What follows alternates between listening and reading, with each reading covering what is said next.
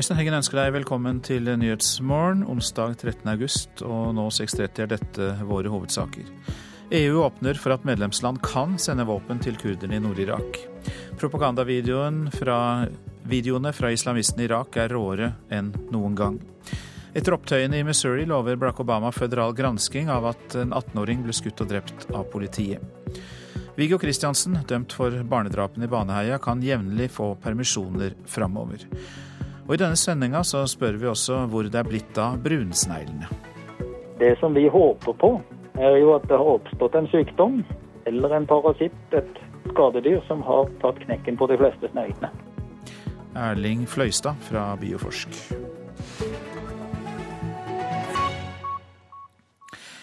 EU er splittet i synet på våpenstøtte til kurderne i Nord-Irak, men åpner for at medlemsland kan sende våpen dersom regimet i Bagdad gir grønt lys til det. Katastrofen i Irak har til sammen eh, drevet nesten 1,6 millioner mennesker på flukt, anslår Redd Barna. Omtrent halvparten av dem er barn. Ei lita jente skriker ut i smerte idet en lege undersøker de opphovnede, såre føttene hennes. Jenta som tilhører den religiøse minoriteten jesidi, har gått langt for å slippe unna IS, også kjent som ISIL. Nå har hun kommet frem til en flyktningleir. En lege forteller om utfordringene i leiren. Nesten 100% av dem har gnagsår på føttene fordi de har gått så lenge, sier Hazar Abdullah Ahmed. Alle lider, men særlig unge og gamle. Dehydrering, brudd og betente sår er bare noe av det legene må behandle. Redd Barna anslår nå at krisen i Irak har drevet nesten 1,6 millioner mennesker på flukt. Omtrent halvparten er barn, anslås det. Flyktninger står i kø for å få mat. Forholdene i leiren er primitive, men de som når frem hit, er heldige. 20 000-30 000 mennesker befinner seg fortsatt i Sinjar-fjellene, omringet av brutale opprørere. Vi har hørt at USA er villig til å sende våpen til Kurdistan, sier en soldat fra de kurdiske peshmerga-styrkene. De håper på mer våpenhjelp fra verdenssamfunnet i kampen mot IS. USA har sendt både våpen, ammunisjon og 130 ekstra militære rådgivere. EU er imidlertid splittet i synet. Under et ekstraordinært møte i går tok flere av landene til orde for å sende våpen til kurderne, bl.a. Frankrike, Italia og Tsjekkia. Men andre land var kritiske. Frankrikes utenriksminister tok til orde for et nytt møte. Det sa reporter Maria Abdli.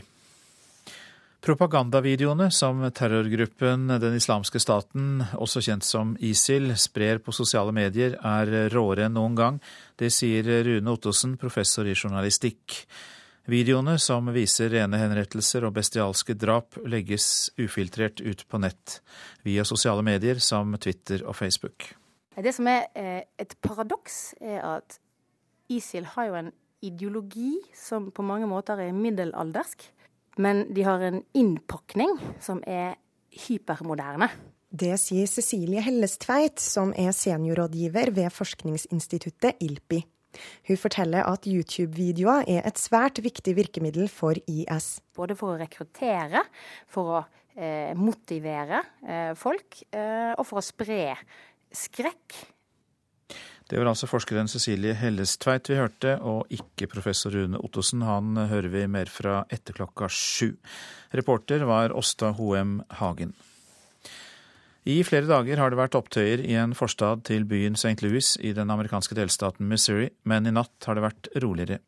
Grunnen til opptøyene er at politiet skjøt og drepte en 18 år gammel gutt på lørdag i det de hevder var en krangel om et våpen, men øyenvitner sier gutten var ubevæpnet. Kom dere vekk, gå hjem. Det er beskjeden til rasende ungdom i St. Louis-forstaden Ferguson. Demonstrasjonene etter drapet på 18 år gamle Michael Brown har vært voldsomme. En rekke mennesker er arrestert. Ferguson er en bydel der det bor 21 000 mennesker. To tredjedeler av dem er svarte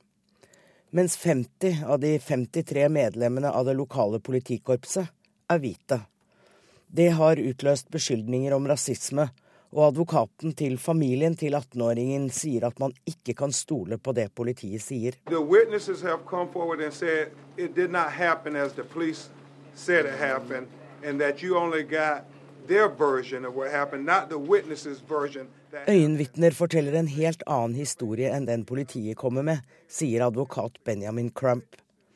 Han hjelper familien til den drepte 18-åringen, slik han også bisto de etterlatte etter Trayvon Martin.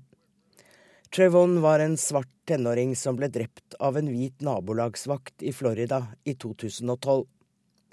Det drapet utløste protester over hele USA. Advokat Crump ber Justisdepartementet overta etterforskningen av drapet på Michael Brown.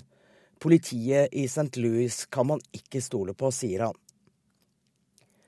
18-åringens fortvilte familie ber nå alle øyenvitner stå frem, og de maner til ro. We don't want no violence.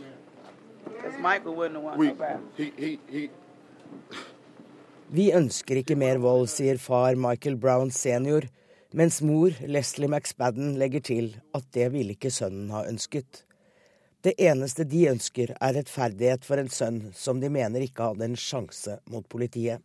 Sa reporter Anette Groth.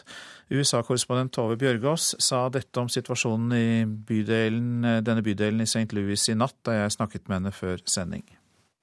Så langt i natt er lokal tid så har det vært roligere. Det har vært en minnestund som foreldrene til Michael Brown ønsket å holde. Men det som også er et faktum, er at politiet har stengt av hele denne lille byen. Det er et vanvittig politioppbud der. Jeg har sett bilder både på, på TV og på Twitter som, som, demonstranter har tatt av politiet i, i full, fulle skuddsikre vester med, med pansrede kjøretøy som skal hindre at det blir mer vold. Og noen vil kanskje si at dette er en overreaksjon. Så har også president Barack Obama engasjert seg, uttalt seg for første gang i natt. Eh, hvorfor tror du det var viktig for han å si noe om dette?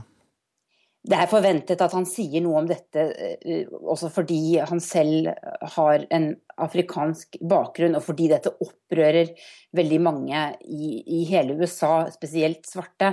Han gjorde det samme da denne Trayvon Martin som vi hørte om i innslaget, ble drept. Og Det Obama sa, er at dette er dypt Eh, tragisk. Han eh, sa ikke noe mer om, om, hvordan politiet har opptrådt, men han sa at Justisdepartementet her skal etterforske denne saken. Så det er altså ikke bare det lokale politiet som skal etterforske den.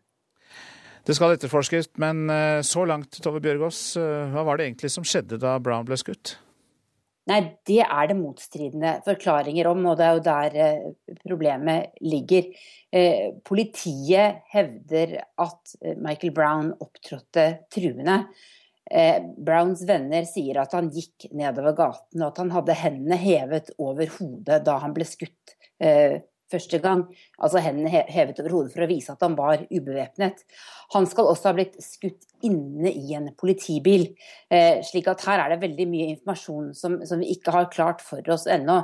Eh, og det virker også på meg som politiet har opptrådt eh, noe rotete. Først eh, offentliggjorde de navnet på den politimannen som skal ha skutt. I går trakk de tilbake dette navnet eh, og sa at de hadde offentliggjort feil navn, og at de ikke ville offentliggjøre navnet på den politimannen som skjøt, eh, i, i, frykt for at vedkommende skulle få drapstrusler osv. Så, videre. eh, så det er nok veldig viktig for å roe ned gemyttene her at de føderale myndighetene setter i gang en etterforskning. Fortell oss litt om eh, denne forstaden i St. Louis. Dette virker på meg, jeg har ikke vært der, men det virker på meg som en klassisk eh, sånn fattig forstad i USA der befolkningen har endret seg etter hvert som industri har flyttet ut av området. Dette var visst tidligere en hvit eh, liten by med et stort hvitt eh, flertall. I dag er nesten 70% av de som bor der, svarte. Eh, det er veldig mange fattige familier, det er mange barn som vokser opp hos enslige mødre, som jeg leste av demografisk statistikk derfra. Og det er, har vært en god del uro. Og i tillegg, som vi hørte i innslaget, så er altså 50 av 53 politimenn i denne lille byen hvite. Eh, så at det er noen rasemotsetninger her, det er vel ikke til å stikke under en stol. USA-korrespondent Tove Bjørgaas. Og så hjem igjen til noe som har vært hageeieres mareritt, men som kanskje ikke er det lenger. Mange har nemlig opplevd at det er langt færre brunsnegler i år enn tidligere. Sneglene er jo svært upopulære fordi de spiser opp blomster og andre planter. Men Kåre og Unni Nyhagen på Årvoll i Oslo, som har pleid å plukke tusenvis hver sommer, har i år nesten ikke sett en eneste brunsnegle. Nei, i år er det jo helt tomt eh, for snegler. Vi har plukka kun sju i år, og det er jo helt utrolig lite. Til tross for en mild vinter og vår som skulle gi gode overvintringsforhold, kom ikke sneglene myldrende fram slik de pleier i april og mai i år. Verken hos dem eller naboene. Hele området her er ganske fritt for snegler nå. For før så lå det jo mye langs med fortauene og gangstiene og sånt, og det, nå ser jeg ikke snegler lenger. Brunsneglen, som egentlig heter brunskogsnegle, er en sørlig art som har kommet med planteimport til Norge. Barfrost om vinteren kan være en årsak til at mange dør. Og langvarig tørke denne sommeren har trolig hindret dem i å vokse mange steder. Men når sneglene noen steder har blitt nesten helt borte, kan det også være andre forklaringer, sier forsker Erling Fløystad på Bioforsk. Det som vi håper på, er jo at det har oppstått en sykdom eller en parasitt, et skadedyr, som har tatt knekken på de fleste sneglene. Det ville være å forvente i slike nye populasjoner som det blir mange av. Men hva som er årsaken, det vet vi ikke, og vi er veldig interessert i å finne ut av det. Fløystad vet heller ikke om sneglebestanden på disse stedene vil vokse seg stor igjen, eller om den nå vil holde seg på et lavt nivå. Kåre Nyhagen på Årvoll i Oslo frykter at de kommer tilbake. Men vi får jo håpe at uh, det blir ikke så mye som det var før, for det var utrolig mye. Det vil jo være litt synd uh, hvis de uh, kommer tilbake, syns jeg, da. Reporter var Tom Ingebrigtsen. Så til det avisen er opptatt av. Dødens merke. Vårt Land gjengir arabiske skrifttegn på sin førsteside i dag. De males på husene til kristne og sjiamuslimer i den islamske staten i Irak. Dermed merkes de som avvikere og kan trakasseres og forfølges. Hinsides all fornuft, det sier Russlands ambassadør til Norge om norske sanksjoner mot Russland. Det kan bidra til å svekke tilliten som er bygd opp de siste tiårene, sier Viteslav Alfredovitsj Pavlovskij til Klassekampen. Her er norske læreres skrekkskole, skriver Bergens Tidende, som har besøkt Danmark. Der har lærerne tapt retten til å styre sin egen arbeidsdag, og de advarer kolleger i Norge mot å havne i samme situasjon. Stadig færre dør av tarmkreft, skriver Dagbladet. Dødeligheten er redusert med nesten 30% viser en norsk studie som har fulgt nær 100 000 personer i en tiårsperiode. Og Aftenposten skriver at en enkel norsk undersøkelse kan bidra til at 500 flere overlever tarmkreft. Liv kan spares dersom alle blir undersøkt med en tarmkikkert. Advarer mot oljefondets eiendomskjøp, kan vi lese i Dagens Næringsliv. En tidligere rådgiver i fondet mener det er stor risiko for at eiendommen i enkelte markeder er overpriset. Fondets mest kjente kjøp er Regent Street i London og Champs-Élysées i Paris. Svenske høyrepopulister skal holde folkemøte foran Stortinget, for nå jakter de på svenske velgere i Oslo, skriver Dagsavisen. Sverigedemokraterna ligger an til mellom 8 og 11% oppslutning i riksdagsvalget om en måned, og nå kommer partileder Jimmy Åkesson til Norge for å sanke stemmer. Blant universitetsbyene har Stavanger dårligst tilbud av studenthybler. 314 står på venteliste fortsatt, kan vi lese i Stavanger Aftenblad. Situasjonen er prekær og utilfredsstillende, sier Øyvind Lorentzen, assisterende direktør i Studentsamskipnaden i Stavanger. Villmannkjøring i Trondheim, kan Adresseavisen fortelle.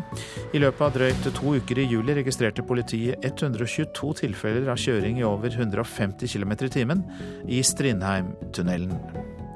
Smiler mens jernet er varmt, er nasjonens tekst til et bilde av Glenn Bergum, som har sitt jern i ilden. Han er nemlig elev på landets eneste smedskole på Dovre. Et godt alternativ til teoritung utdannelse, sier 18-åringen.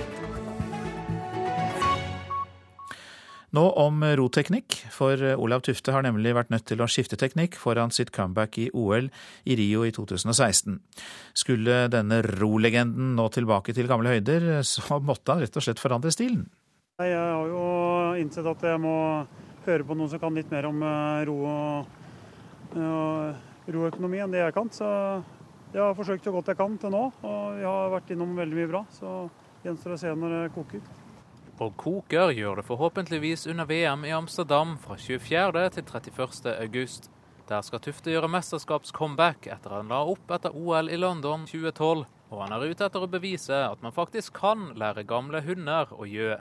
Når jeg ror sånn jeg er enig om at jeg skal ro, så ror jeg bra. Og da går det til tider eh, fort.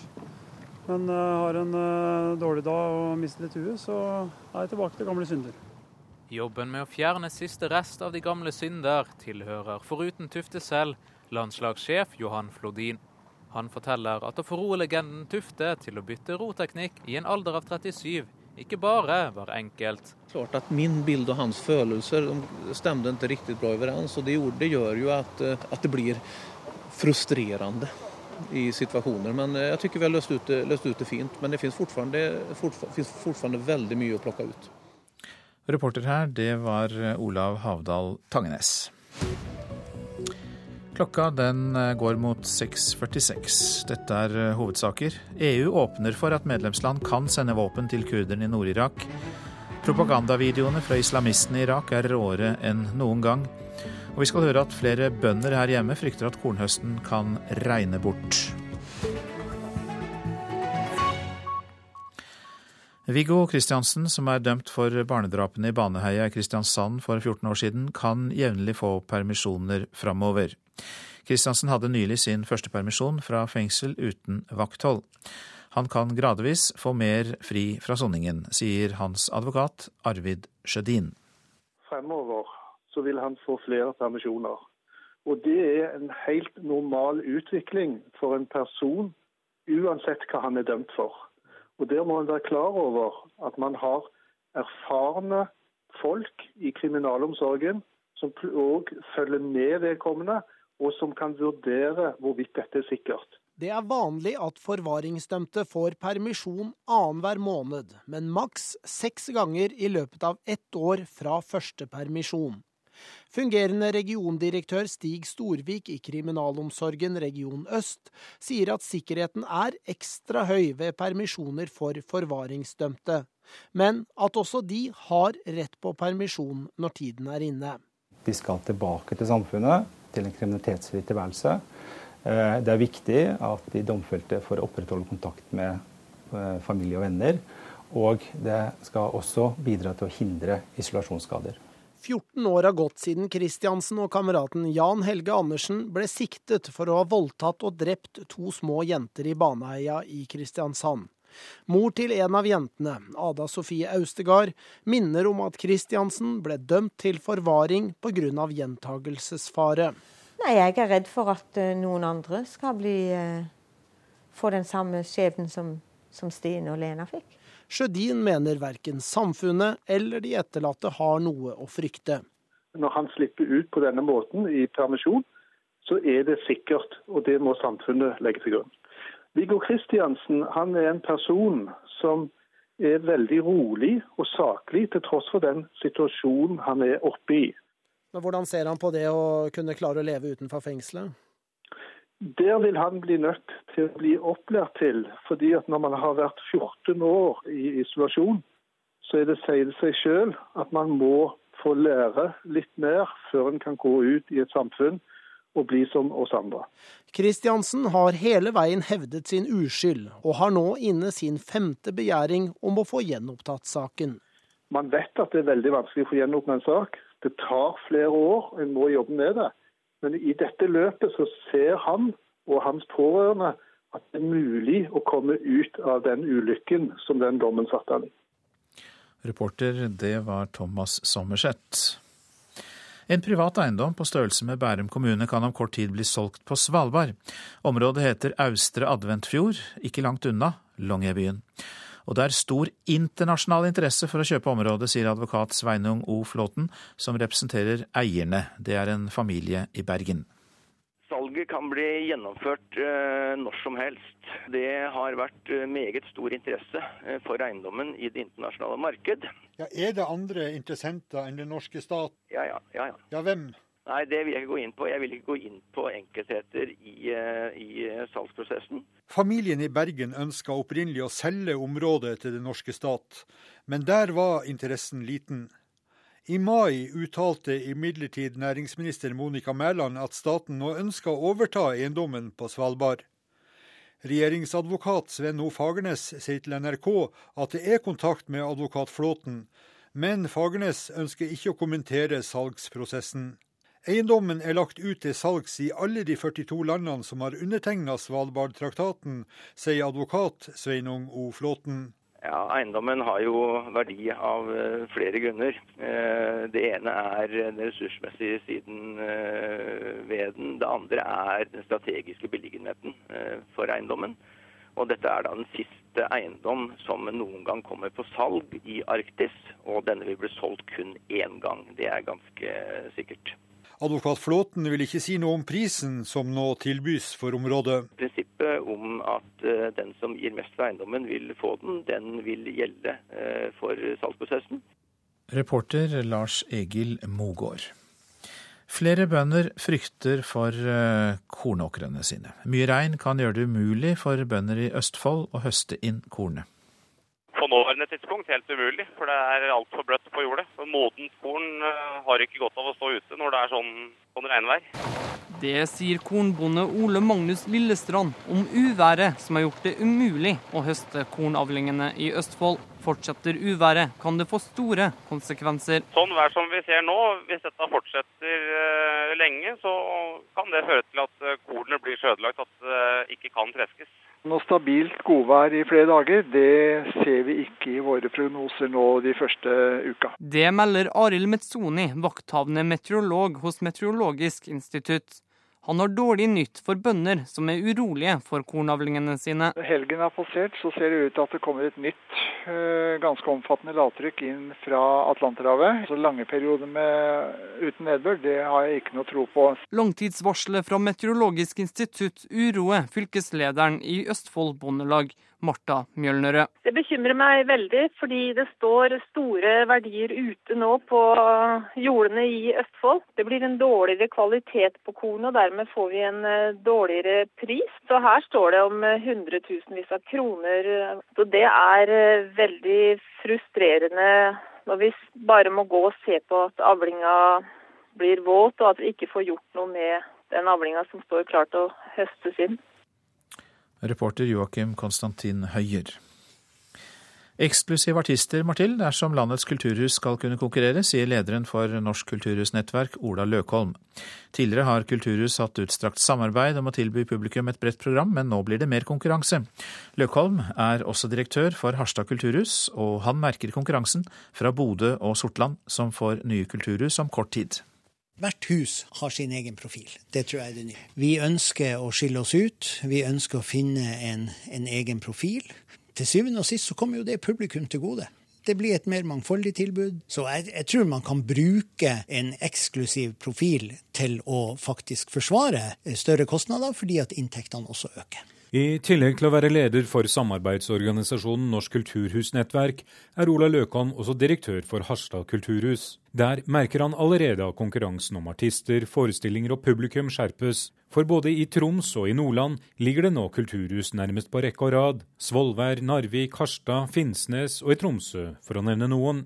Og om kort tid øker konkurransen fra de nye kulturhusene i Bodø og på Sortland. Ja, vi har nok vært oppmerksom på at f.eks. etableringa av Kulturfabrikken på Sortland eh, kan bli konkurranse for vår virksomhet. Man speiner ikke beina under for hverandre her? Nei, men så vil vi sørge for at programtilbudet vårt er så bra at vi fortsatt er attraktivt for et publikum i Vesterålen. Vi har et annet tilbud. Jeg tror vi kan faktisk eh, håpe på at publikum i vår region reiser til Vesterålen for å oppdage hvor bra ei forestilling, en konsert på Kulturfabrikken er. Og så håper vi da at vesterålingene fortsatt skal reise til Harstad og oppsøke vårt programtilbud. Reporter Nils Meren. Hollywood-ikonet Laureen Bacall døde i går 89 år gammel av slag i sitt eget hjem. Hun debuterte på lerretet i filmen To Heaven Have Not i 1944, der hun spilte mot Humphrey Bogart, som hun giftet seg med året etter. Bacall spilte også i flere populære Broadway-musikaler og var kjent som politisk engasjert liberaldemokrat. I forrige uke startet det største utgravningsprosjektet i Aust-Agder noensinne. Til eh, tross for flere spennende steinalderfunn allerede før første verdenskrig i området, så er det ikke gjort noen større utgravninger i fylket fra denne tiden før nå, altså. Arkeologene tror eh, det de finner kan kaste nytt lys over norsk steinalderhistorie. Så det her sånn er rett og slett en sånn siste puslespit, en sånn puslespillbit som eh, kan stå igjen og sette ting litt på plass og et litt annet lys. Joakim Åkerstrøm er en av totalt 22 arkeologer som er med i et av Kulturhistorisk museums største utgravningsprosjekter noensinne. Det skal lages en ny E18 mellom Arendal og Tvedestrand, men før byggestart skal arkeologene de neste tre åra undersøke flere steinalderbosettinger i området. Og arkeologens forventninger er store. Det her er eh, ikke bare den hvite flekken på kartet, men det her kan også bli bindeleddet mellom vest og øst i Norge, på Østlandet. Så du får den stripa fra Vestlandet med Vest-Agder, Aust-Agder, og så kommer du oppover til Telemark, og du følger til Vestfold og oppover til Oslo og videre. Og der er det helt ulike tradisjoner på både råstoffbruk og redskapsbruk i noen tilfeller. Aust-Agder har vært en hvit flekk på det norske steinalderkartet, men nå vil arkeologene prøve å finne ut hvordan de aller første sørlendingene levde. Hva de levde av, hvor i terrenget de valgte å bosette seg, og hvor tidlig de egentlig kom til regionen. Og Vi kan også finne ut eh, sammenhenger med, med, dette området av Norge med, med, resten av Norge, Skandinavia og Europa. Så vi, vi, vi vil jo jobbe stort, sånn at vi kan på en måte se hvordan forbindelseslinjer det har vært til resten av Europa.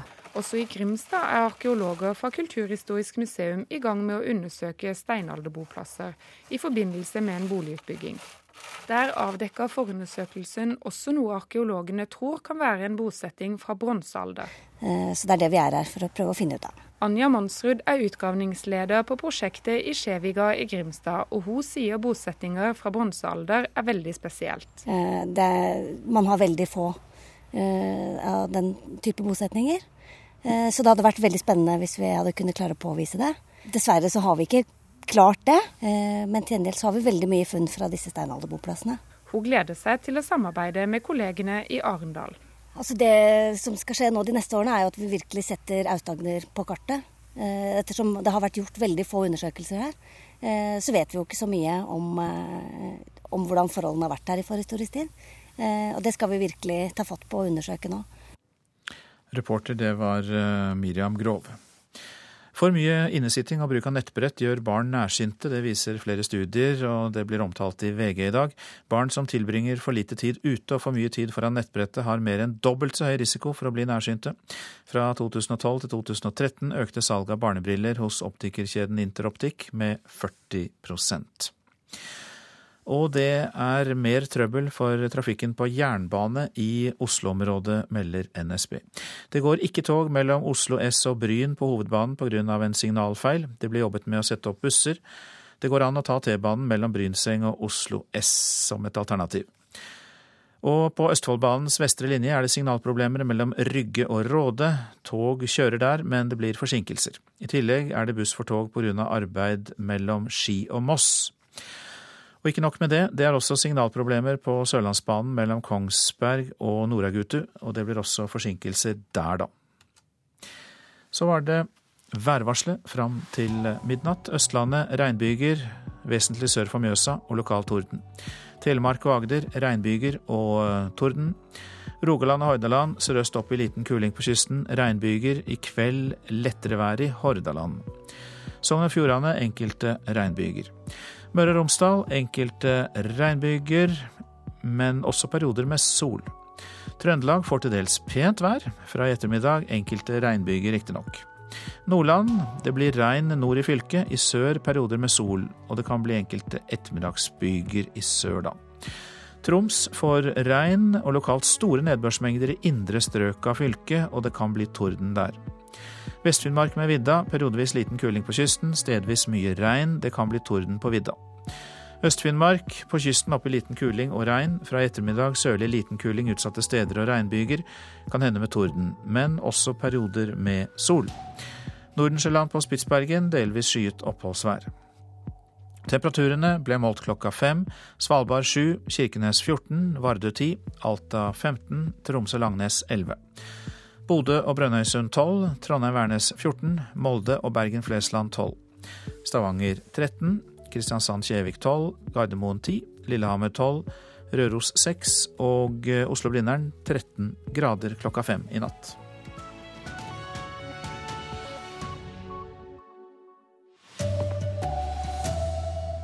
EU åpner for at medlemslandene kan sende våpen for å hjelpe kurderne i Nord-Irak.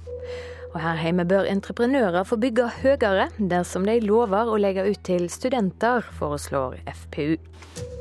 Her er NRK Dagsnytt klokka sju.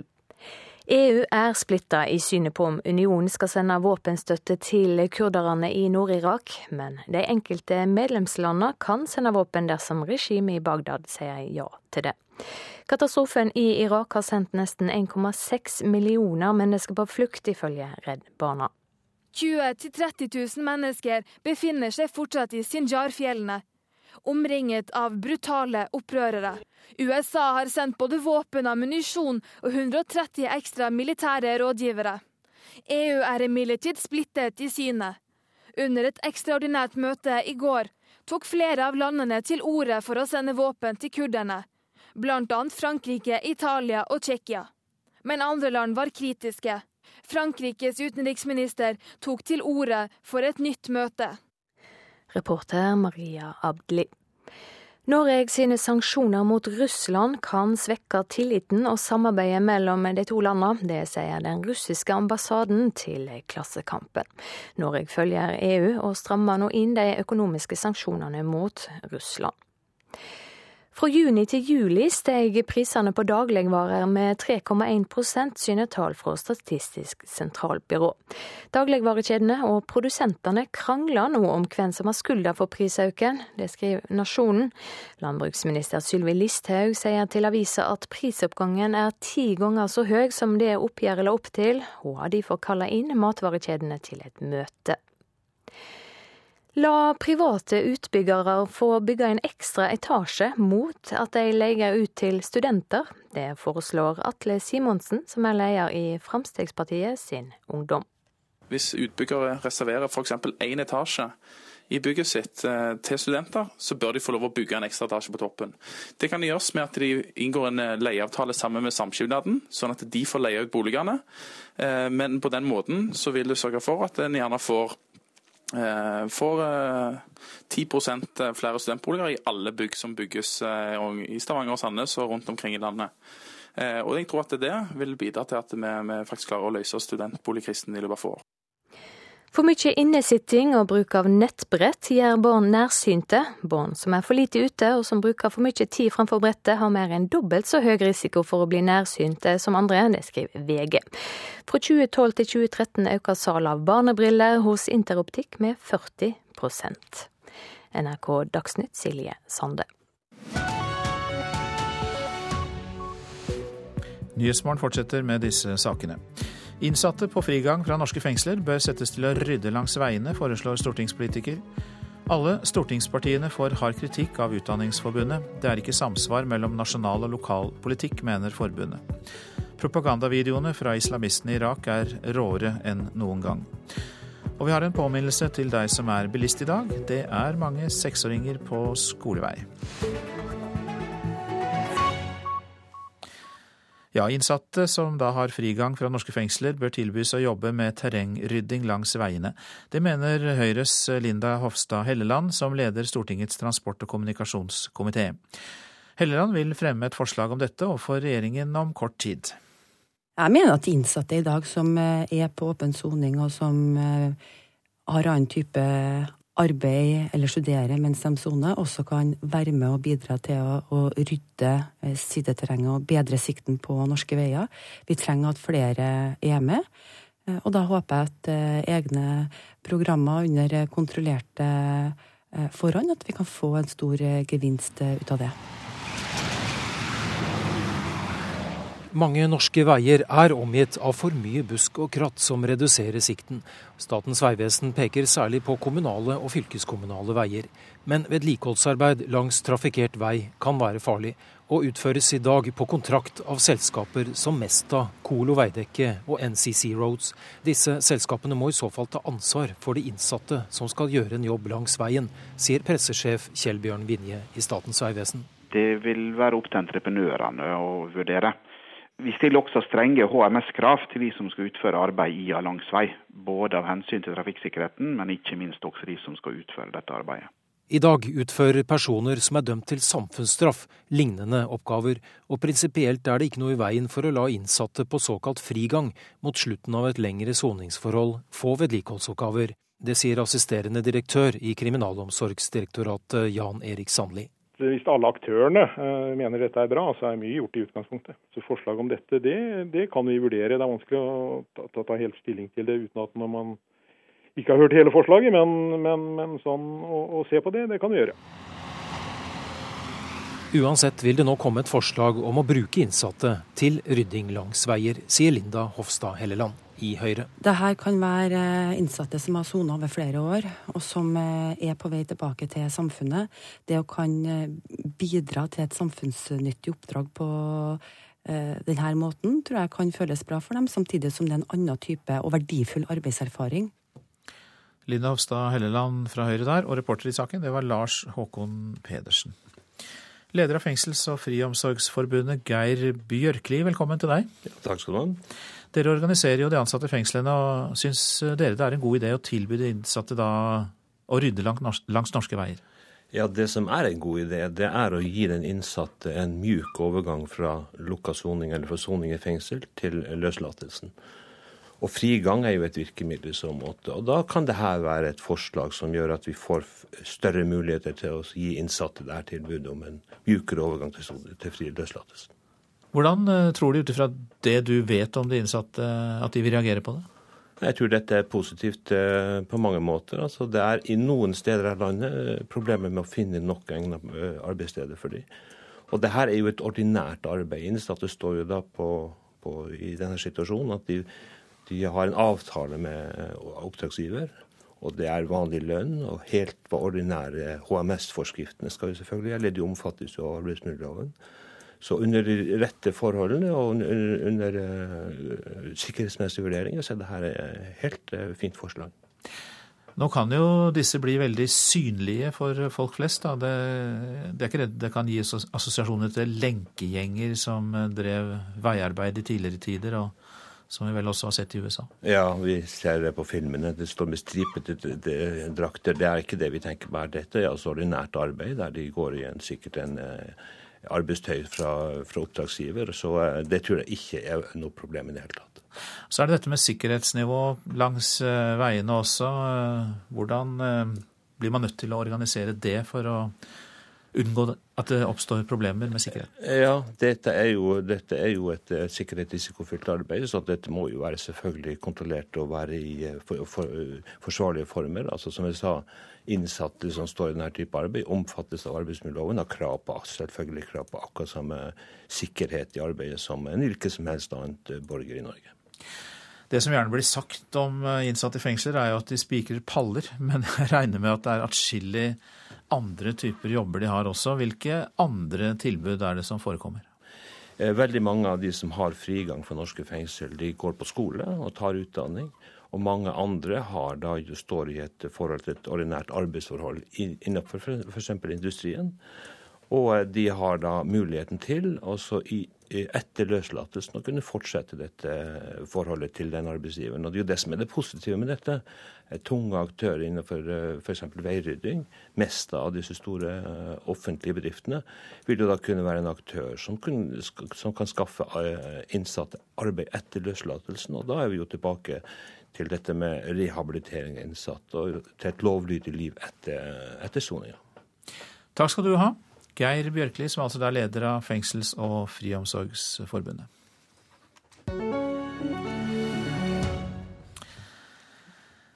Nå til eh, en annen fagforening som har en helt annen agenda for tiden, nemlig Utdanningsforbundet, for de går rett i strupen på stortingspartiene. Forbundet mener at det ikke er samsvar mellom det nasjonale politikere sier og den politikken lokale politikere fører i kommunene. Så nestleder i Utdanningsforbundet, Steffen Handal, mener det har oppstått en tillitskrise. Opplever veldig mye fine nasjonale ambisjoner og nasjonale politikere som snakker om hva som skal skje i skolen. Og så opplever de kommunale realiteter som er helt annerledes. Eh, og det oppleves veldig frustrerende. Det blir en eh, forventningsstrekk der som ikke norske lærere kjenner seg igjen i. Han er lei de store ordene og lovnadene som ikke blir fulgt opp ute i skolene. Ansvaret ligger i kommunene, men ikke alle prioriterer skole høyt nok, sier kunnskapsminister Torbjørn Røe Isaksen. Jeg mener at Høyre er et av de partiene som mest konsekvent satser på skole, både nasjonalt og lokalt. Men så er det også sånn at eh, lokaldemokratiet i Norge betyr at eh, ansvaret ligger i kommunestyret også på skoleområdet, men vi setter noen nasjonale krav som man må nå. Og vi kommer også til å komme med politikk for å følge opp de kommunene som eh, ikke jobber bra nok med skole. Men dette gjelder ikke bare Høyre. Dette kan ikke isoleres til høyresiden alene. Eh, også Arbeiderpartiet og SV og, og, og, den forrige regjeringen hadde en mulighet til å ta tak i disse tingene. Vi har påpekt det, og det har ikke skjedd noe med det. Så dette, dette er tverrpolitisk.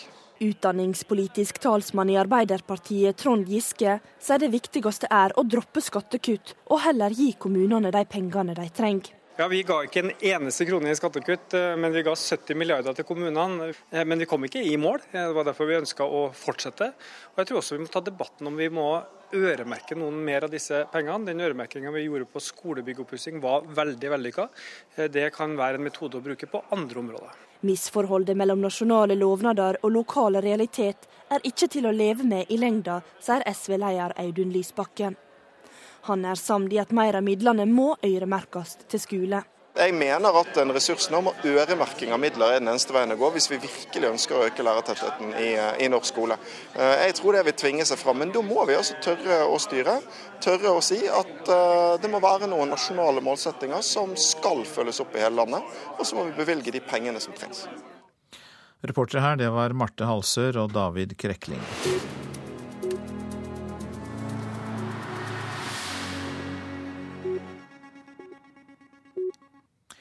I dag er det to år siden Gjørv-kommisjonen la fram sin rapport om 22. juli. Angrepet på regjeringskvartalet 22. juli kunne ha vært forhindret gjennom effektiv iverksettelse av allerede vedtatte sikringstiltak. Myndighetenes evne til å beskytte menneskene på Utøya sviktet. En raskere politiaksjon var reelt mulig. Gjerningsmannen kunne ha vært stanset tidligere 22. Alexandra Beck Gjørv hørte vi der, 22. juli-kommisjonens leder. Og eh, kommunalminister Jan Tore Sanner, god morgen. God morgen. Rapporten satte jo fokus på mangler når det gjaldt sikkerhet og beredskap, og den førte også til en debatt om ledelse. Og det siste har du jobbet med. Og hva er det viktigste i den kritikken som eh, Gjørv og hennes gruppe kom fram til, som dere har grepet fatt i? Det er ingen tvil om at eh, Gjørv-kommisjonen det var en kraftig vekker. Eh, både for forvaltningen, eh, men også for det politiske system. Og en del av den kritikken som kom frem i Gjørv-kommisjonen, er også underbygget av andre rapporter. Det vi er opptatt av, det er bedre styring og bedre ledelse. I Gjørv-kommisjonen så var det mye oppmerksomhet rundt manglende evne til å gjennomføre vedtak som var fattet. Eh, mangelen på evne til å samhandle mellom ulike etater. Manglende evne til å bruke IKT eh, og de digitale redskapene, og også spørsmål om ansvarsplassering. Dette har vi tatt tak i, og da er det særlig to ting. Det går på styring, og det går på ledelse. Noe av det første vi gjorde, det var jo også å se på hvordan vi styrer våre underliggende etater. For det er klart at Jo flere mål man har, jo mer uprioritert målene er, jo dårligere styring blir det. Så færre og tydeligere mål er viktig for oss. Eh, og vi har også igangsatt et program for bedre ledelse. For god ledelse, det skaper god kultur. Men så kan man Det høres jo bra ut, men kan man vedta å endre en kultur, altså noe som kanskje sitter i mange medarbeidere? Det tar tid. Det tar tid å endre, endre, kultur, men jeg er veldig overbevist om at god ledelse skaper god kultur. Og det har nok vært en tendens til at man har vært mer opptatt av eller redd for å begå feil enn for å, å lykkes. Og hvis man bare er redd for å begå feil, eh, så er det tryggest kanskje å sitte, sitte stille. Så det vi nå gjør, det er å iverksette et program for bedre ledelse i, i staten. Eh, får vi tryggere ledere, ledere som tar ansvar, ledere som utnytter sitt handlingsrom, så vil det også skape en bedre kultur over tid. Og så er det viktig å understreke at mye er bra i norsk forvaltning. Hvis du sammenligner norsk forvaltning med andre land, så ligger vi godt, godt an. Men som, eh, som statsråd og i regjeringen så er vi opptatt av at vi hele tiden skal bli bedre. Og dette er også et politisk ansvar. For det var noe av det man så i Gjørv-kommisjonen, at når politikerne hele tiden driver med adhocstyring med nye krav, nye mål for underliggende etater, ja, så blir det dårlig prioritering. Vi må som politikere ta ansvar, og vi har allerede iverksatt tiltak. Færre og tydeligere mål, hører jeg vi kan oppsummere med, Jan Tore Sanner? Ja, det er viktig. Og noe av det vi nå gjør, det skal bidra til både å forebygge og at vi skal bli bedre i stand til å håndtere kriser. Det så vi nå i sommer med den terrorhandlingen som, eh, som vi da Eller terrortrusselen vi ble utsatt for. Mm. Da så vi allerede forbedring. Men, men det vi nå gjør med styring og ledelse, det handler om også å bygge samfunnet videre. Og da trenger vi gode ledere som tar ansvar, utnytter sitt handlingsrom Eh, og jeg eh, forventer gode resultater i årene som kommer. Takk skal du ha, Jan Tore Sanner, som altså er eh, kommunalminister. Du lytter til Nyhetsmorgen, og klokka den er 7.16 der. Vi har disse hovedsakene.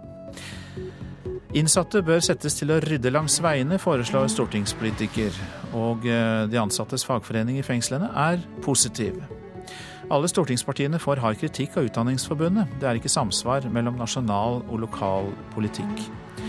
Og EU åpner for eh, at medlemsland kan sende våpen til kurderne i Nord-Irak.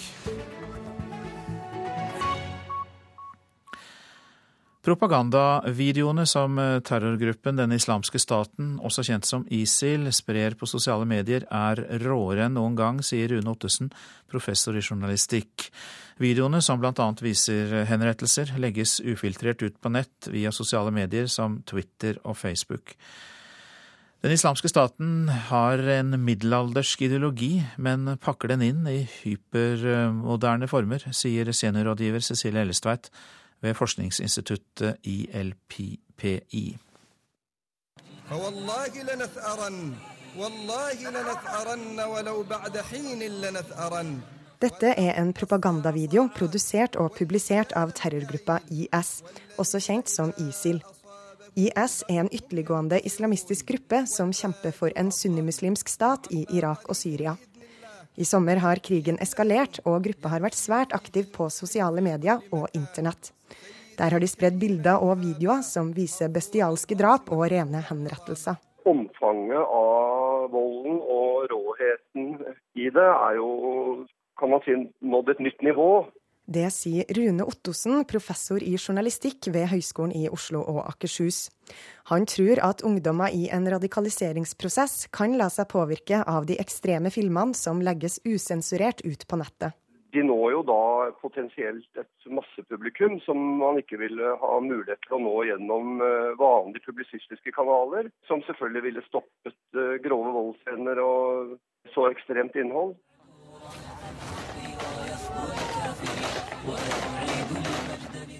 Videoen du hører her, viser krigsfanger som blir skutt og drept av IS. Dramaturgisk klippa med musikk. Ottosen mener videoene vi nå ser er mer profesjonelle enn tidligere. Det som er eh, et paradoks, er at ISIL har jo en ideologi som på mange måter er middelaldersk. Men de har en innpakning som er hypermoderne. Det sier Cecilie Hellestveit, som er seniorrådgiver ved forskningsinstituttet ILPI. Hun forteller at YouTube-videoer er et svært viktig virkemiddel for IS. Både for å rekruttere, for å eh, motivere eh, folk, eh, og for å spre skrekk. Hellestveit forteller at bruken av sosiale medier er spesielt viktig nå, siden krigen foregår i industrialiserte land som Syria og Irak. Folk har tilgang på internett, sosiale medier og mobiltelefoner osv. i en helt, helt annen grad enn det de har hatt i andre land som man på en måte kan sammenligne dette her med de siste årene. Og Det gjør jo at dette får en helt annen funksjon også i forhold til lokalbefolkningen. Reporter her, det var Åsta Hoem Hagen.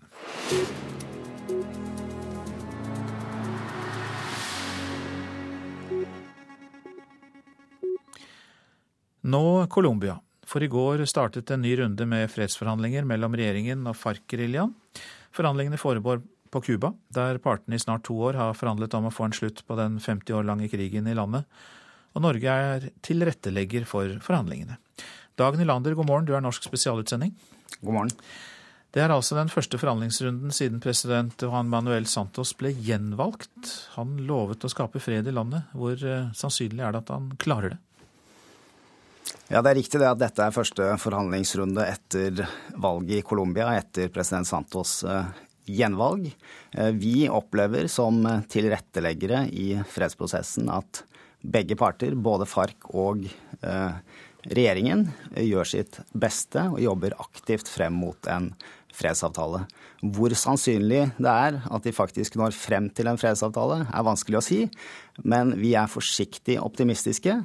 I alle fall er det slik at partene i Colombia aldri har kommet lengre i noen fredsforhandling enn den vi er med på nå. Du møter jo partene. Hvordan er stemningen? Stemningen er eh, Eh, seriøs, men eh, god. I løpet av om lag to år så har partene klart å opparbeide seg et godt personlig arbeidsforhold. Og den norske rollen i dette er bl.a. til å bidra til at partene nettopp kan fremforhandle en avtale i gode og trygge omgivelser basert på tillit. Santos eh, vant jo valget, men likevel så er jo om lag halvparten av folket mot å fortsette forhandlingene. I hvert fall så stemte de på den kandidaten som ikke ønsket å fortsette det.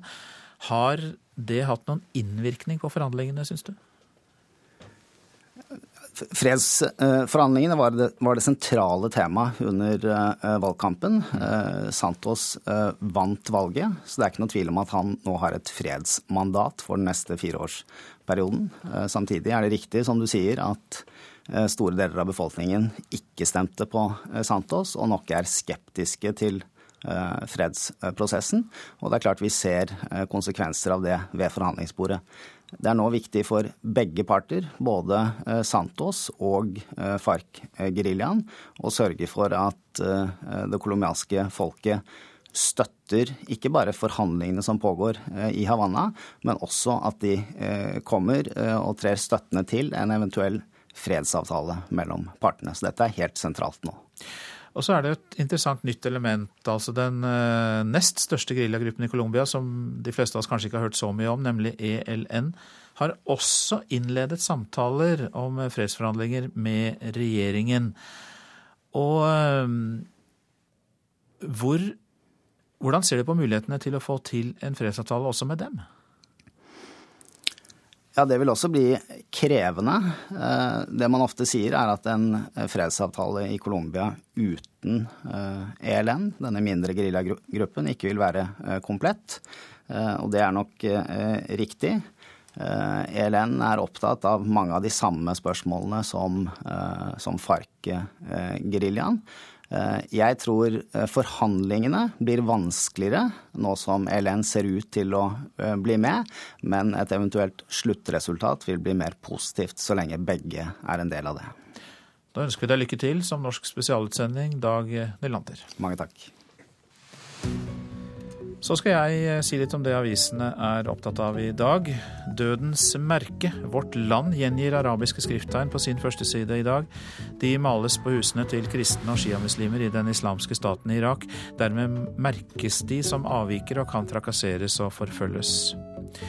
Hinsides all sunn fornuft, det sier Russlands ambassadør til Norge om norske sanksjoner mot Russland. Det kan bidra til å svekke tilliten som er bygd opp de siste årene, sier Viteslav Alfredovic Pavlovskij til Klassekamp. Her er norske læreres skrekkskole, skriver Bergens Tidende, som har besøkt Danmark. Der har lærerne tapt retten til å styre egen arbeidsdag, og de advarer kolleger i Norge mot å havne i samme situasjon. Svenske høyrepopulister skal holde folkemøte foran Stortinget, for nå jakter de svenske velgere i Oslo, skriver Dagsavisen. Sverigedemokraterna ligger an til mellom 8 og 11 prosents oppslutning i riksdagsvalget om en måned. Og nå kommer partileder Jimmy Åkesson til Norge for å sanke stemmer. Advarer mot oljefondets eiendomskjøp, kan vi lese i Dagens Næringsliv. En tidligere rådgiver i fondet mener det er stor risiko for at eiendommene i enkelte markeder er overpriset. Noen av fondets mest kjente kjøp er i Regent Street i London og Champs-Élysées i eh, Paris. Stadig færre dør av tarmkreft, skriver Dagbladet. Dødeligheten er redusert med nesten 30% viser en norsk studie som har fulgt nær 100 000 personer i en tiårsperiode. Og Aftenposten skriver at en enkel norsk undersøkelse kan bidra til 500 flere overlever tarmkreft. Liv kan spares dersom alle blir undersøkt med en tarmkikkert. Blant universitetsbyene har Stavanger dårligst tilbud eh, og eh, for eh, bolig til studenter. 314 står på venteliste, kan vi lese i Stavanger Aftenblad. Situasjonen er prekær og utilfredsstillende, sier Øyvind Lorentzen, assisterende direktør i Studentsamskipnaden i Stavanger. Villmannskjøring i Trondheim kan Adresseavisen fortelle om. I løpet av drøyt to uker i juli registrerte politiet 122 tilfeller av kjøring i over 150 km i timen i Strindheimtunnelen. Smiler mens jernet er varmt. Det er nasjonens tekst til et bilde av Glenn Bergum, som har sitt jern i ilden. Han er nemlig elev på landets eneste smedskole på Dovre. Et godt alternativ til teoritung utdannelse, sier 18-åringen.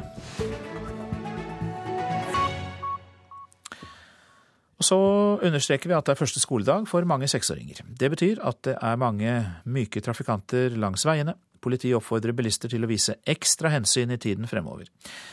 Seksåringene ved Myrene skole i Porsgrunn kan allerede mye om trafikk, og de vet hvordan de skal oppføre seg. Man må se seg veldig godt for, og så må man også se om det er noen biler å gå over fottauet når det er bare én mann på. Så ingen sykkel, så må man gå av sykkelen hvis man sykler til solen. Man må trykke på knappen, og når det er grønt lys, kan man gå over. Mange mennesker har dødd hvis man, hvis man ikke krysser veien forsiktig, så jeg tror mennesker burde være veldig, veldig, veldig, veldig forsiktige. Ingen tvil om at seksåringene er godt forberedt før skolestart. Mange har sine første møter med trafikken i dagene som kommer, og politiet i Telemark oppfordrer nå bilister til å være ekstra forsiktige. Jeg må tenke på generelt å være oppmerksom på at eh, skoleunger, eh, spesielt gående, men også syklende, kan gjøre manøvre som man ikke forventer i det hele tatt. Eh, man løper over veien, man krysser med sykkel fordi man feilbedømmer avstand, tid og hastighet på annen, andre trafikanter og andre kjøretøy. Så det er rett og slett ta tida til hjelp og kjøre særdeles sakte på den type veistrekninger. Politiet pleier jo å intensivere kontrollene sine litt. Eh, kommer det til å skje også nå? Ja, i aller høyeste grad. Nå skal vi prøve å være synlige sammen med Statens vegvesen, sammen med Utrykningspolitiet og sammen med Trygg Trafikk på de fleste skolene i hele Telemark. Disse kontrollene som dere vil ha i forhold til bilistene, da er det mest eh, fartskontroller? Er det, er det andre ting dere også vil følge med på da? Ja, det er jo sånn, dessverre, at eh, hvert eneste år, hver skolestart, så gjennomfører vi også en del eh, kontroller med bruk av verneutstyr, altså bilbelte. Og eh, Nå har jeg ikke noe prosenttall, men det skulle forundre meg mye om ikke det nærmer seg tett opp mot 100 når jeg sier at de vi tar i den sammenhengen, det er foreldre som ikke sikrer ungene sine. Eh, det er en eh, billig forsikring både for seg sjøl og for ungene. Og jeg vil jo ikke tenke på hvilken straff man får, i hvert fall mentalt, hvis man skulle utsette sine egne unge for skade fordi man slurver med bilbelte. Og det er ikke bare politiet som kommer med oppfordringer før skolestart. Også barna har klare advarsler. Når det er humper, så må du kjøre veldig sakte. Man kan fort krasje hvis man kjører altfor fort. Hva vil dere si til de voksne da, som er ute og kjører i trafikken når dere skal gå langs veien? Ok, Jeg syns det er kjempeflott at de kjører, men de må være veldig ekstra forsiktige når folk, når folk krysser veien. Og man burde ikke ha så veldig mye bensin på bilen.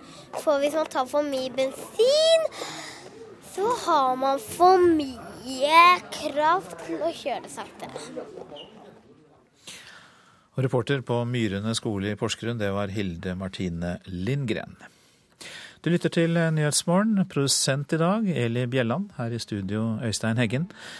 Og vi minner om at vi i reportasjen etter Dagsnytt kan høre mer om persondyrkningen rundt eh, president Vladimir Putin, som blir stadig sterkere. Og i Politisk kvarter så møtes eh, LO-lederen og NHO-direktøren til duell om norsk arbeidsliv. Og helt på tampen så kan vi også minne om nettstedet radio.nrk.no, der du kan høre alle NRKs radiokanaler.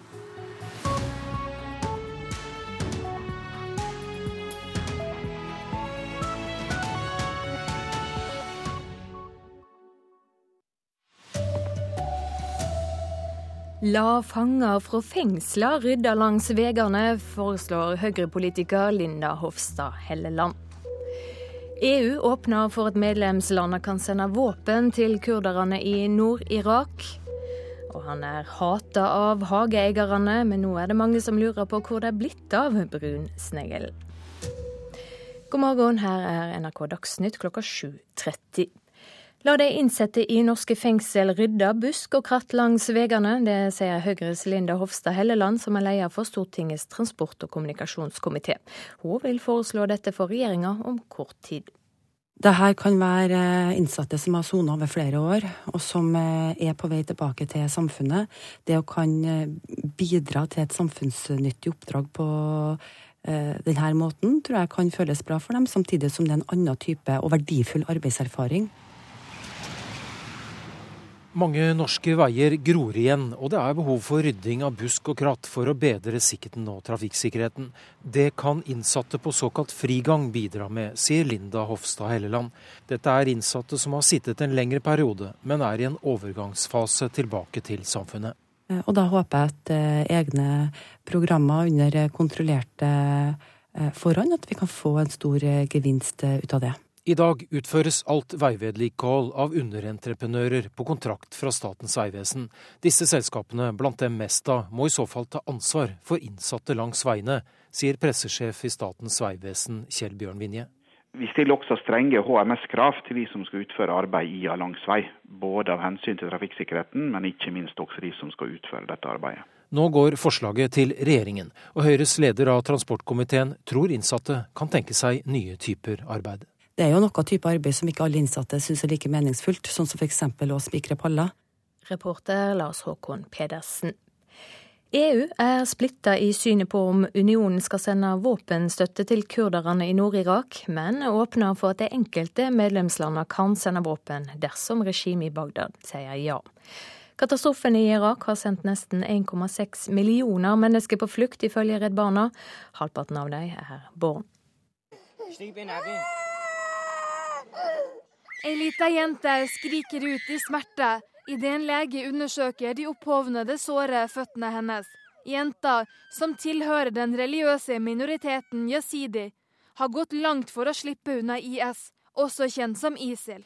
En lege forteller om utfordringene i leiren. Nesten 100% av dem har gnagsår på føttene fordi de har gått så langt, sier legen. Redd Barna anslår nå at krisen i Irak har drevet nesten 1,6 millioner mennesker på flukt. Omtrent halvparten av dem er barn. Kurdiske soldater nord i Irak forteller at de håper på mer våpenhjelp fra verdenssamfunnet. USA sender både våpen, ammunisjon og 130 ekstra militære rådgivere. EU er imidlertid splittet i synet. Under et ekstraordinært møte i går tok flere av landene til orde for å sende våpen til kurderne. Unionen åpner for at medlemslandene kan sende våpen, men understreker at det må koordineres med myndighetene i Bagdad. Reporter Maria Abdli. I USA har det vært demonstrasjoner og sammenstøyter i flere dager i en forstad til byen St. Louis i delstaten Missouri. Årsaken er at politiet i helga skjøt og drap en 18 år gammel svart gutt i det de hevda var en krangel om et våpen. Men øyevitnet sier gutten var uvæpna, og at han strakte hendene i været i møte med politiet. Kom dere vekk, gå hjem. Det er beskjeden til rasende ungdom i St. Louis-forstaden Ferguson. Demonstrasjonene etter drapet på 18 år gamle Michael Brown har vært voldsomme. En rekke mennesker er arrestert. Ferguson er en bydel der det bor 21 000 mennesker. To tredjedeler av dem er svarte. Mens 50 av de 53 medlemmene av det lokale politikorpset er hvite. Det har utløst beskyldninger om rasisme, og advokaten til familien til 18-åringen sier at man ikke kan stole på det politiet sier.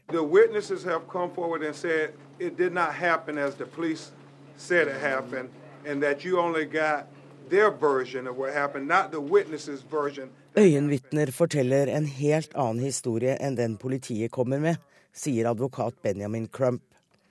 Han ber Justisdepartementet overta etterforskningen av drapet på Michael Brown. Mens Michael Brown senior, den fortvilte faren, maner til ro. No Reporter Anette Groth. Utdanningsforbundet mener det ikke er samsvar mellom det nasjonale politikere sier og den politikken som blir gjennomført lokalt i kommunene. Det er snakk om en tillitskrise, sier nestleder Steffen Handal. Vi opplever veldig mye fine nasjonale ambisjoner. Og så opplever de kommunale realiteter som er helt annerledes. Det blir en forventningsstrekk der som ikke norske lærere kjenner seg igjen i. Han er lei de store ordene og lovnadene som ikke blir fulgt opp ute i skolene. Ansvaret ligger i kommunene, men ikke alle prioriterer skole høyt nok, sier kunnskapsminister Torbjørn Røe Isaksen.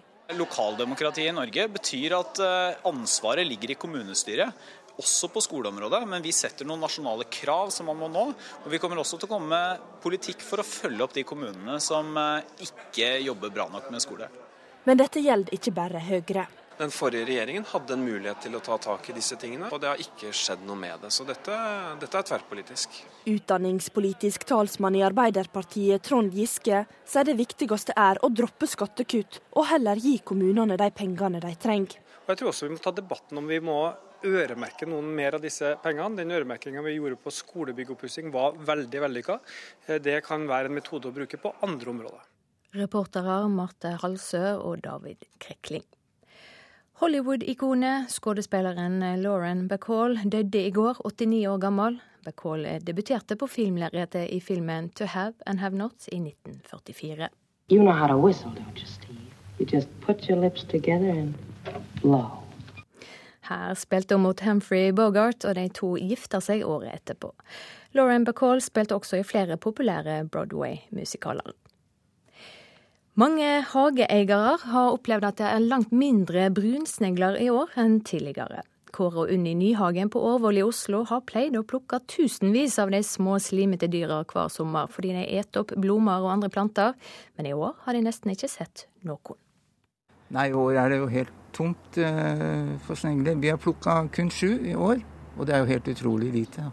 Til tross for en mild vinter og vår som skulle gi gode overvintringsforhold, kom ikke sneglene myldrende fram slik de pleier i april og mai i år. Verken hos dem eller naboene. Hele området her er ganske fritt for snegler nå. For før så lå det jo mye langs med fortauene og gangstiene og sånt nå, og det, nå ser jeg ikke snegler lenger. Brunsneglen, som egentlig heter brunskogsnegle, er en sørlig art som har kommet med planteimport til Norge. Barfrost om vinteren kan være en årsak til at mange dør. Og langvarig tørke denne sommeren har trolig hindret dem i å vokse mange steder. Men når sneglene noen steder har blitt nesten helt borte, kan det også være andre forklaringer, sier forsker Erling Fløystad på Bioforsk. Det som vi håper på, er jo at det har oppstått en sykdom eller en parasitt, et skadedyr, som har tatt knekken på de fleste sneglene. Det vil være å forvente i slike nye populasjoner som det blir mange av. Men hva som er årsaken, det vet vi ikke, og vi er veldig interessert i å finne ut av det. Fløystad vet heller ikke om sneglebestanden på disse stedene vil vokse seg stor igjen, eller om det nå vil holde seg på et lavt nivå. Kåre Nyhagen på Årvoll i Oslo frykter at de kommer tilbake. Men vi får jo håpe at uh, det blir ikke så mye som det var før. For det var utrolig mye. Det vil jo være litt synd uh, hvis de uh, kommer tilbake, syns jeg, da. Reporter Tom Ingebrigtsen. Nå til friidretts-EM. Marius Vevik er ikke som de andre langdistanseløperne i EM. Inntil for tre år siden var han målvakt i håndball og fotball. I dag springer han finale på 10 000 meter. Jeg er overraska over at jeg er her, men samtidig så er jeg forberedt nå og trent godt siden januar. Løpekarrieren til Marius Vedvik startet med en tilfeldig deltakelse i et mosjonsløp for fire år siden. Og så ble det med en nabo av meg på rett vest 10 km i mosjonsløp. Da løp jeg på 37 minutter for fire år siden.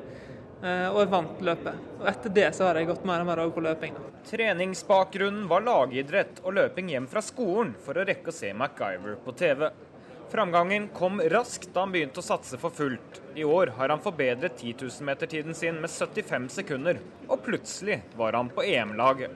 Ja, jeg har blitt mer dedikert, jeg har trent bedre, og jeg har fått en Jeg kjenner kroppen godt. Det gjør jeg. Reporter Jan Post. Ansvarlig for Dagsnytt i dag, Gro Arneberg. Tekniker Frode Thorshaug. Her i studio, Silje Sande.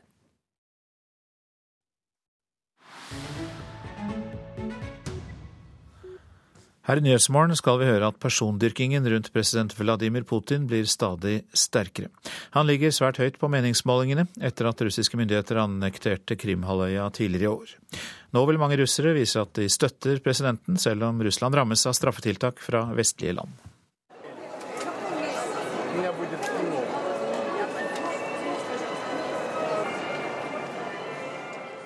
Russere står i kø i det ærverdige butikksenteret GOM, som ligger kloss inntil Den røde plass i Moskva. I sovjettiden var det også lange køer her når det ble lagt ut forbruksvarer som befolkningen var sultefòret på. Men de siste 20 årene har det sjelden vært sammenstimlinger av kunder i dette som trolig er Russlands mest kjente varehus. Nå er det en helt spesiell type varer folk er ute etter. Det dreier seg om T-skjorter. De finnes med en rekke forskjellige motiver, men felles for dem alle er at de viser president Vladimir Putin i forskjellige situasjoner. Особенно сейчас это надо, потому что наша страна, мы долго себя не уважали. А сейчас мы почувствовали себя единой сильной страной. И, в общем-то... Dette trenger vi akkurat nå, sier denne damen. Hun mener at russernes selvrespekt lenge har vært på et lavmål, men at de nå har begynt å føle seg som et sterkt og samlet folk. Disse verdiene får barna nå med i oppdragelsen, og det er fint, understreker damen. T-skjortene viser den russiske lederen i forskjellige machosituasjoner, som militærøverstkommanderende eller med tøffe solbriller. På en av dem står det at alt går strålende, og på en annen 'den høfligste mann som finnes'. To av designerne er til stede ved lanseringen og blir spurt om dette er ironisk ment. Ironien, написаны правдив, прав, правдивые вещи, самый вежливый из людей. Он реально, мы считаем, он самый вежливый. Nei, det er ingen ironi her. Dette er laget i fullt alvor, sier designer Ivan Jesjov. Han mener at det som står skrevet på plaggene er helt korrekt. Putin er virkelig den høfligste personen som finnes. Kollegaen hans legger til følgende. Слоганы такие довольно-таки сильные, очень. И, да, и смысловой э, как бы, текст. Вот это. Alle slagordene våre er sterke. Vi har valgt dem ut for å motivere folk, sier designer Anna Trifonova. Etter at Russland tidligere i år annekterte Krimhalvøya, har Putins popularitet skutt i været med rekordfart. Presidentens argumenter om at Krim har vært russisk jord i hundrevis av år, og at det var en historisk feil som ble begått da sovjetlederen Nikita Khrusjtsjov overførte halvøya til Ukraina i 1954, ja, de går rett hjem hos russere flest. Men den russiske politikken har ført til straffetiltak mot Russland fra vestlige land, og det irriterer mange av Putins undersåtter. Ну, вы же в курсе, что сейчас э, не самые легкие времена проходят в мировой политике. Вот, да, усилилось давление на страну, на нашу, на Россию. Det er vanskelige tider i internasjonal politikk akkurat nå, sier denne mannen. Han viser til at det legges stadig sterkere press på Russland, og derfor er det viktig å vise presidenten at han har støtte i befolkningen for det han foretar seg. Russerne behøver ikke gå så veldig langt tilbake i historien for å finne andre tilfeller av persondyrking i politikken. Flere av sovjetlederne likte temmelig overdreven oppmerksomhet rundt egen person. Men Putin har truffet en nerve hos russerne ved å stå opp mot amerikanerne og andre vestlige land. Og den kvinnelige designeren legger til. Folk er svært takknemlige for at vi lager disse T-skjortene. De sier at de er veldig stolte over å kunne delta på sin måte i den politiske kampen. Og selv har hun på seg en T-skjorte der det står 'Hilsen fra Krim'. Reportasjen var laget av Jan Espen Kruse. Dette er Nyhetsmorgen, dette er hovedsaker. Fanger bør settes til å rydde langs veiene. Det foreslår stortingspolitiker Linda Hofstad Helleland fra Høyre. Fengselsansattes fagforening er positiv. EU åpner for at medlemslandene kan sende våpen til kurderne i Nord-Irak. Og vi advarer deg som er bilist. Det er mange seksåringer som er eh, ute på skolevei for første gang i dag. Politisk kvarter kommer også i dag fra Arendal. Der er Per Arne Bjerke programleder.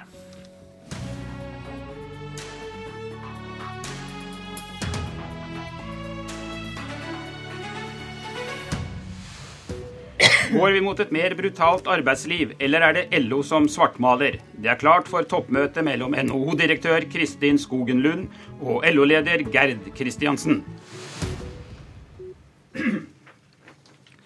Hva slags arbeidsliv skal vi ha i fremtiden? Det er et av temaene under politikeruka her i Arendal. Og LO-leder Geir Kristiansen, hvorfor er du så redd for at vi skal få flere midlertidige ansatte? Fordi at eh, For det første så rokker jo det med grunnplanken i den norske arbeidsmiljøloven. Eh, dette med trygghet for å ha en fast jobb å gå til. Eh, vi ser utviklinga rundt oss, og vi ser at midlertidig ansatte øker rundt omkring i hele verden. Vi vil ikke ha det sånn. Vi vil at folk skal ha en fast jobb å gå til. NHO-direktør Kristin Skogen Lund, rokker dette ved folks trygghet, eller er det LO som svartmaler?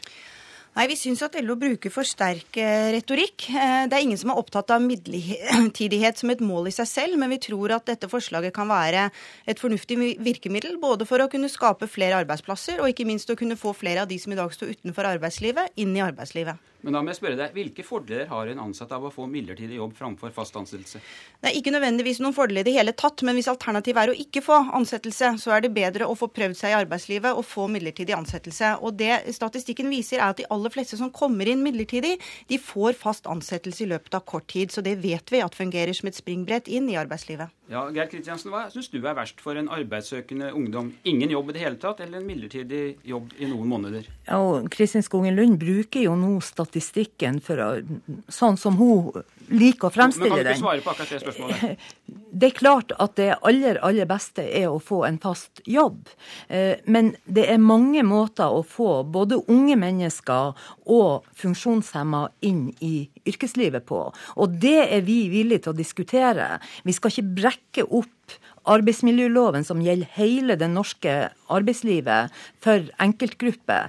Da har vi tradisjon for å gå inn med tiltak for spesielle grupper. Det kan vi også gjøre nå, og det hadde vi hatt muligheter til å gjort hadde vi sett oss ned og diskutert dette før høringa kommer ut. Men uh, Skogen Lund, eh, er ikke dette dere går inn for egentlig en gavepakke til bedriftene, slik at de kan skalte og valte med de ansatte ved å gi dem jobb i noen måneder, og så kaste de ut igjen?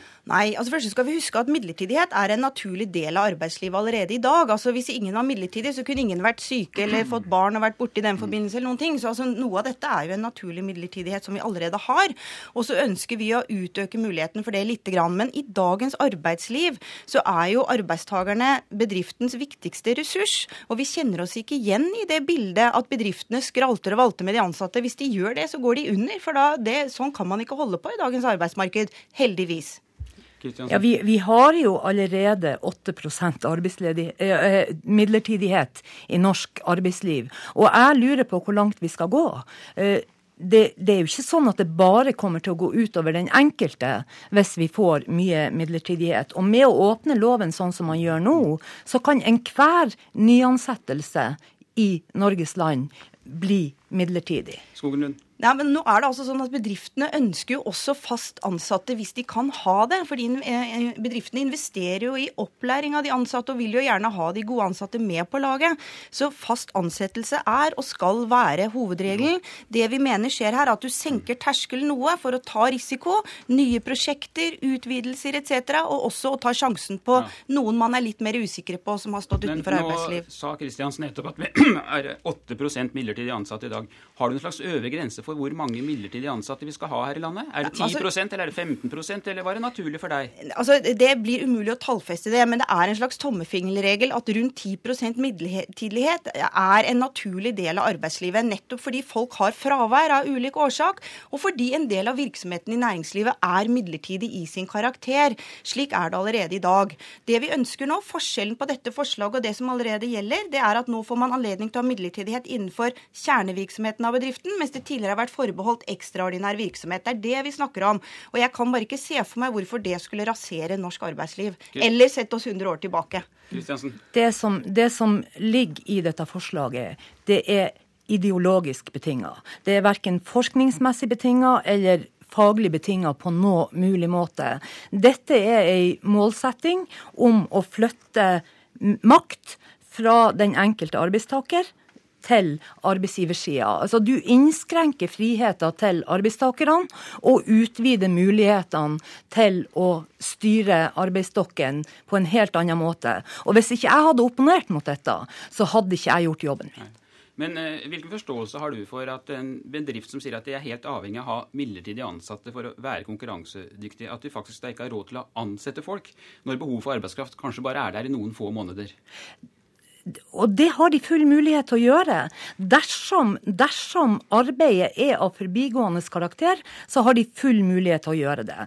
De har også full mulighet til å prøve ut folk gjennom bestemmelsene som allerede ligger i loven, der de kan bruke inntil seks måneders prøvetid dersom de er usikre på om dette er et menneske de vil ansette eller ikke. Så mulighetene ligger her i dag, hvis man er villig til å bruke dem. Men det som ligger i bunnen for Frp og Høyre sitt forslag er ideologisk betinga. Du rister energisk på hodet, Skogenlund.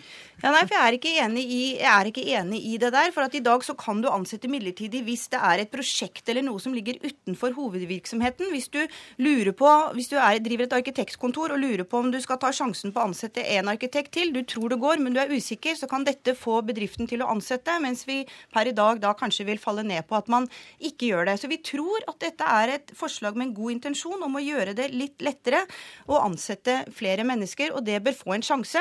Og så er jeg helt enig i eh, LO. altså hvis, vi, hvis dette bare fører til midlertidighet og ikke oppnår formålene, så får vi reversere det. For da har det ikke fungert etter hensikten.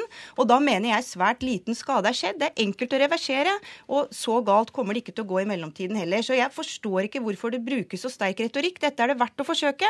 Fungerer det ikke, så gjør vi det ikke mer. Og fungerer det, så har vi oppnådd noe godt for norsk arbeidsliv. Kristiansen, der fikk du vel en liten innrømmelse. Man kan reversere det hvis det ikke virker. Hvorfor er det ja, så da? Ja, jeg hører det.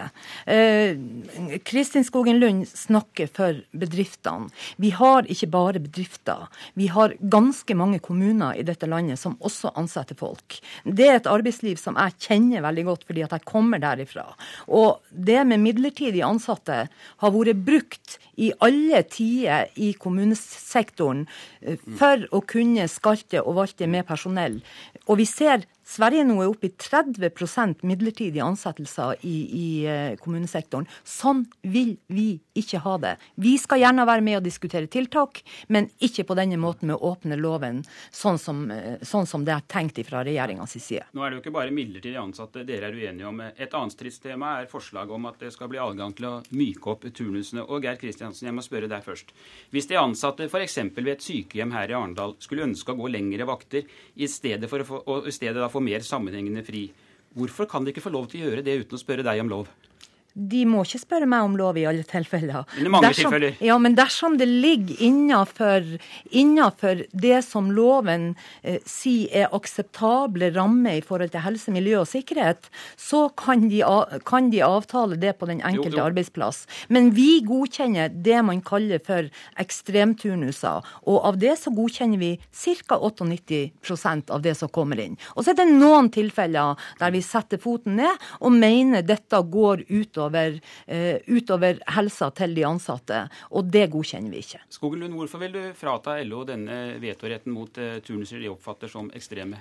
Jeg skal først gi eh, Gerd Kristiansen rett i at de har godkjent en stor andel av disse søknadene. Så det har for så vidt fungert, men vi mener det er prinsipielt feil at den ene parten i et trepartssamarbeid skal sitte med en slags vetorett. Det er en ubalanse som dette forslaget nå retter opp ved å si at det er Arbeidstilsynet som skal ha ansvaret for å vurdere om disse ordningene da er innenfor helse-, miljø- og sikkerhetskravene. Gerd Kristiansen, Hvorfor tror du at Arbeidstilsynet vil gjøre en mye dårligere jobb enn dere når det gjelder å godkjenne turnuser? Det tror jeg ikke de vil gjøre. Men hvorfor er det mot det, da? Det tror jeg ikke de vil gjøre. Tror, altså, det at vi har hatt mulighetene til å godkjenne ekstreme arbeidstidsordninger for våre medlemmer, har ikke vi funnet noe merkelig. Og, og vi kommer til å kjempe for å fortsatt beholde den retten og bruke Arbeidstilsynet eh, til mye mer presserende oppgaver enn det, eh, enn det dette handler om. Jeg tror at uh, det fagmiljøet som vi har bygd opp i forhold til turnuser, det er det vel verdt å bruke fortsatt. Skogen Lund kan ikke mer lempelige turnusregler rett og slett føre til at ansatte blir presset inn i turnuser som er svært belastende?